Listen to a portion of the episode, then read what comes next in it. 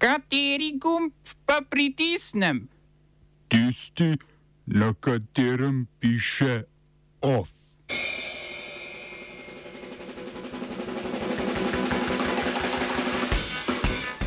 Azerbajdžan in Armenija v večjih spopadih na območju Gorskega Karabaha.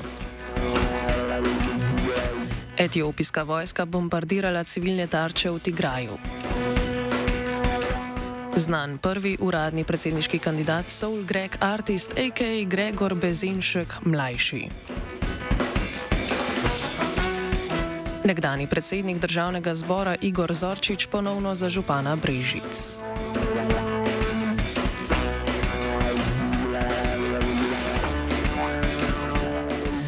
Azerbajdžanska vojska je po noči začela obstreljevati položaje armenske vojske v bližini mest Goris, Sotkin in Jermuk. Armenska vojska je odgovorila s proti napadom. Po besedah armenskega premijeja Nikola Pašinjana je umrlo 49 armenskih vojakov. Armenski premijej je po obnovitvi spopadov blizu Gorskega Karabaha, za nadzor katerega sta državi konec leta 2020 na zadnje bili 44-dnevno vojno, že sprožil člen rusko-armenskega obramnega sporazuma in Rusijo pozval na pomoč. Poleg tega je Pašinjan zahteval pomoč organizacije pogodbe o kolektivni varnosti, ki združuje šest nekdanjih sovjetskih republik in varnosti svet Združenih narodov.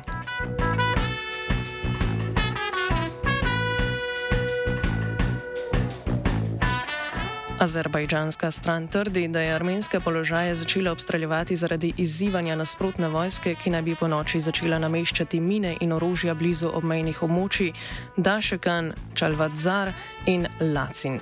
Azerbajdžanska vojska je zato začela obstreljevati armenske sile s težkim topništvom in brezpilotnimi letalniki. V 44-dnevni vojni konec leta 2020 je zmagal Azerbajdžan, ki je prevzel nadzor nad večino ozemlja Gorskega Karabaha. Ta sicer po mednarodnem pravu spada pod Azerbajdžan, a ga naseljuje večinsko armensko prebivalstvo, ki je leta 1991 razglasilo nepriznano republiko Arcak. Za mir po sklenitvi premirja konec leta 2020 naj bi skrbele ruske sile, ki so nameščene na območju Lacina, a je ruska pozornost očitno preusmerjena na invazijo v Ukrajini.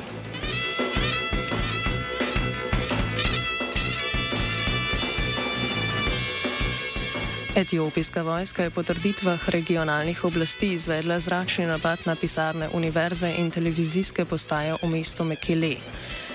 Napad z dronom v prestolnici Tigraja, ki je v državljanski vojni z etiopijsko vlado, se je zgodil potem, ko je Tigrajska ljudska osvobodilna fronta izrazila pripravljenost na mirovna pogajanja pod vodstvom Afriške unije. Tokrat je organizacija, ki so jo etiopijske vladne sile uspele potisniti nazaj območje Tigraja na severu države, pristala na pogajanja brez dodatnih pogojev. Vendar se etiopijska stran uradno še ni odzvala na poziv k pogajanjem. Po začasni prekinitvi ognja konec marca sta strani pred mesecem dni ponovno začeli spopade.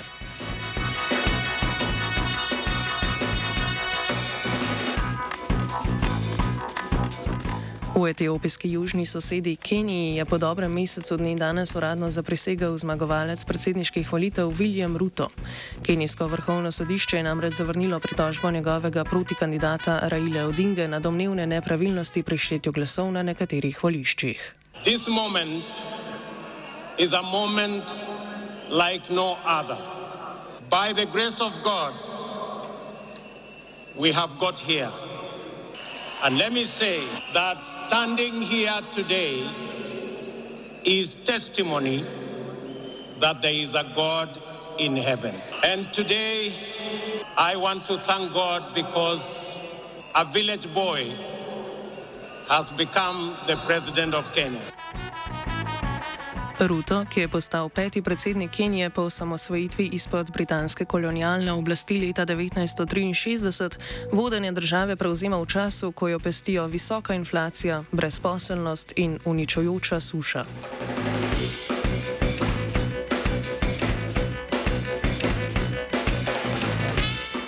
Posledice vse večje draginje občutijo tudi naši južni sosedje. Potem, ko je hrvaška vlada prejšnji teden sprejela ukrep o znižanju in omejitvi cen za nekatera živila, so včeraj manjši trgovci in nekatere trgovske verige umaknili z polic več izdelkov. Ukrep, ki je del 21 milijard kun oziroma 3 sla, slabe 3 milijarde evrov vrednega paketa ukrepov za blažitev posledic draginje, je za povprečno 30 odstotkov znižal oziroma omejil maloprodajne cene za 9 vrst živil sladkor, jedilno olje, mleko, moko, kruh, svinsko in piščančje meso ter testenine in riž. A ukrep je imel obraten učinek. V Kauflandu včeraj tako ni bilo mogoče dobiti sladkorja, v trgovinah Eurospina pa kupci niso mogli kupiti ne sončničnega olja, ne sladkorja. Po besedah predsednika Zveze Združen malih trgovcev Hrvaške Damirja Aščiča, trgovci živila sicer imajo, a jih zaradi pričakovanih izgub nočejo prodajati pod nabavno ceno. Na težavo so včeraj opozorili tudi upokojenci iz treh upokojenskih strank, združenih v, v inicijativo Upokojenci skupaj, ki svarijo pred posledicami umetno ustvarjenega pomankanja živil. Smo se osamosvojili, nismo se pa osvobodili. Naslednje število je še 500 projektov. Izpiljene modele, kako so se strani nekdanje LDS rotirali. Ko to dvoje zmešamo v pravilno zmes, dobimo zgodbo o uspehu.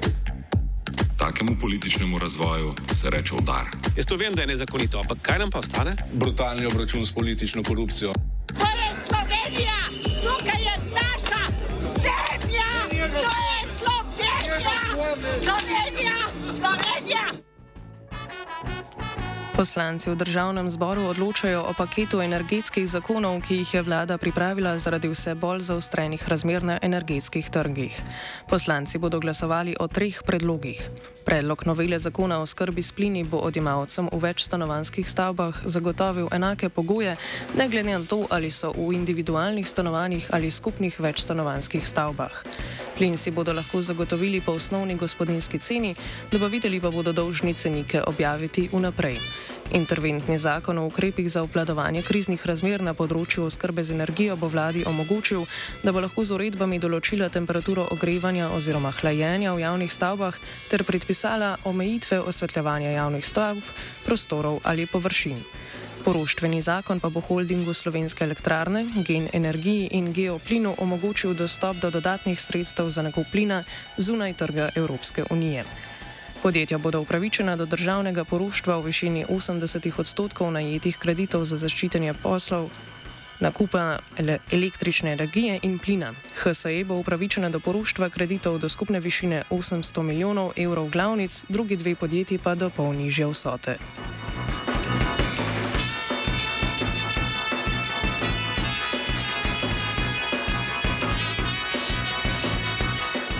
Diagnostični center Bled, največji zasebni izvajalec zdravstvenih storitev v državi, je začel s pripravljalnimi deli za gradnjo 17,5 milijonov evrov vredne zasedne, zasebne bolnišnice z ambulantami za specialistične preglede. Stala bo na zemljišču med javnim rehabilitacijskim centrom Soča in televizijsko hišo Pro Plus, ki ga je investitorju prodala mestna občina Ljubljana. Na napovedano gradnjo se je na tiskovni konferenci v imenu koalici, koalicijske levice ustro odzval poslanec Miha Kordi. Kordiš. To pač pomeni, da znotraj zavarovalnic ostajajo um, kapitalske rezerve, ki se mogoče niti ne um, izkazujejo. Prav zato je zavarovalniški lobby tako zelo um, tudi močan in ima tako velik vpliv, da že 20 let blokira ukinitev dopolnilnega zdravstvenega zavarovanja. Skratka, sredstva vseh zavarovancev, vseh, ki plačujemo um, dopolnilno zdravstveno zavarovanje, se zbirajo v teh komercialnih zdravstvenih zavarovalnicah, te pa ga uporabljajo za to, da sami sebe vzdržujejo z razno raznimi lobističnimi akcijami, da vzdržujejo obstoj dopolnilnega zdravstvenega zavarovanja in sedaj ta svoj privilegiran položaj z zagotovljenimi presežki na račun ljudi prelivajo tudi neposredno v zasebno izvajanje zdravstvene dejavnosti. Največja lastnika diagnostičnega centra Bled sta sicer zavarovalnica Triglav in Sava Re, podjetje v delni državni lasti, ki ustvarjata dobiček s premijami za to dopolnilno zavarovanje. V levici od slovenskega državnega holdinga, Zavoda za pokojninsko in invalidsko zavarovanje Slovenije ter državnih nadzornikov zahtevajo, da svojo lastninsko pravico v obeh zavarovalnicah uveljavijo tako, da preprečijo gradnjo zasebne bolnišnice in namesto tega dobiček investirajo v opremo v javnih bolnišnicah in kadr v javnih javnih zdravstvenih zavodih.